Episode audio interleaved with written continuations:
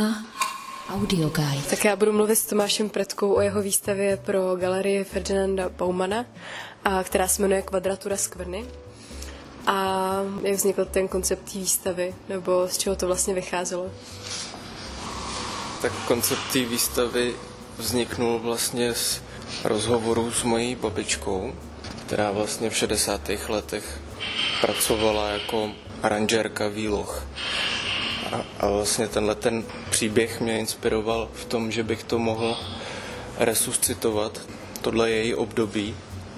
A jsem jako volně navázal na, na výstavu, kterou jsem měl na nový scéně vlastně v roce 2016, která byla vlastně na pozadí toho zeleného mramoru, který pocházel původem z Kuby. A hm, my prostě poslední dobou jako vedeme s babičkou právě takový eh, vzpomínkový jako rozhovory, aby jsme ji vlastně udrželi ve střehu. Ale pak vlastně už eh, nastupuje ta moje poloha, kdy do toho vstupu spíš já jako umělec a, a ty svoje obrazy jsem vlastně podřídil trošku principům toho výstavnictví, ale zároveň to eh, vnímám jakoby takový relief, jo protože vlastně eh, ta hloubka té výlohy vlastně dovoluje jako pracovat s tím celkem jako mm, prostě s vysokým a nízkým jako reliefem dohromady, takže jsem tam vlastně využil takového jako klamu nebo toho vrstvení vlastně. A další rozměr vlastně té výstavy je pro mě v tom, že ty obrazy jsou imitují ten mramor, který je okolo, ale je to vlastně udělaný sprejem, takže to je takový volný jako přechod mezi grafity a kresbou a nějakým právě dekoratérstvím nebo expresivní malbou. Místama to jako připomíná Poloka nebo, eh, nebo třeba kresby Milana Grigara ale zároveň je to jako autorská věc, která je rozčtvrcená do několika jako vrstev.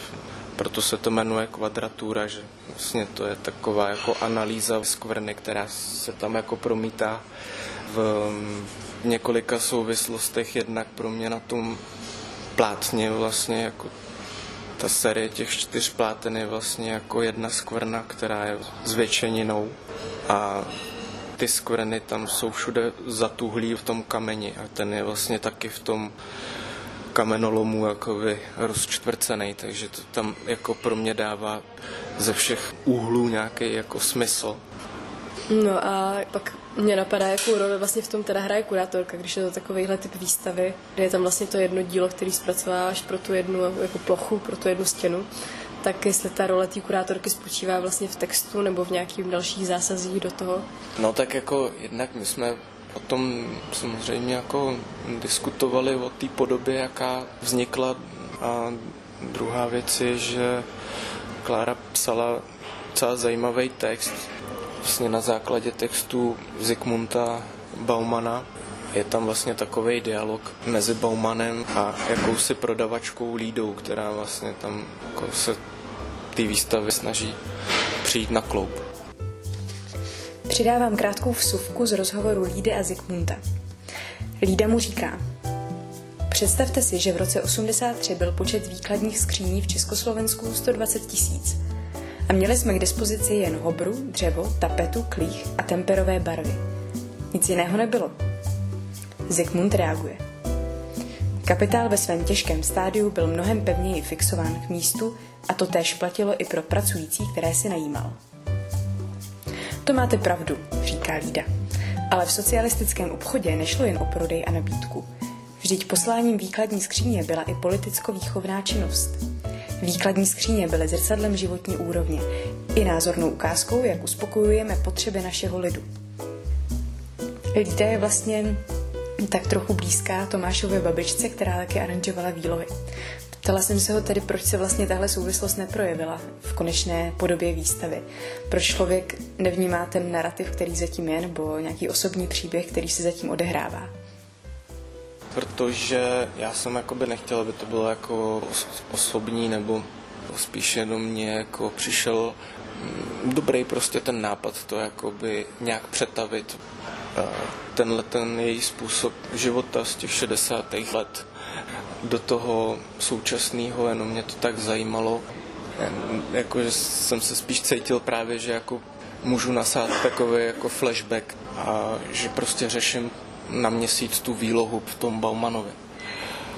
A vlastně jako jinak bych ten důvod asi v sobě jako by nenašel, že jo. Mm. Tak to vlastně jako potom tvoje role je někde na rozhraní toho, že jsi teda umělec sice, ale zároveň se dostáváš do role někoho, kdo dělá nějaký grafity nebo nějaký pojednání té stěny městský. No já jsem chtěl, aby se to tam všechno jako stmelilo. Aby se tam stmelila právě taková nějaká nějaký rebelství nějakého sprayera, který ale je poučený o nějaký historii do toho flashback 60. let do toho je tam vlastně nějaká kunsthistorická vsuvka o nějaký tekutý modernitě, takže vlastně tam mnoho vrstev na to dala dohromady ten celek. Uma Audio Guide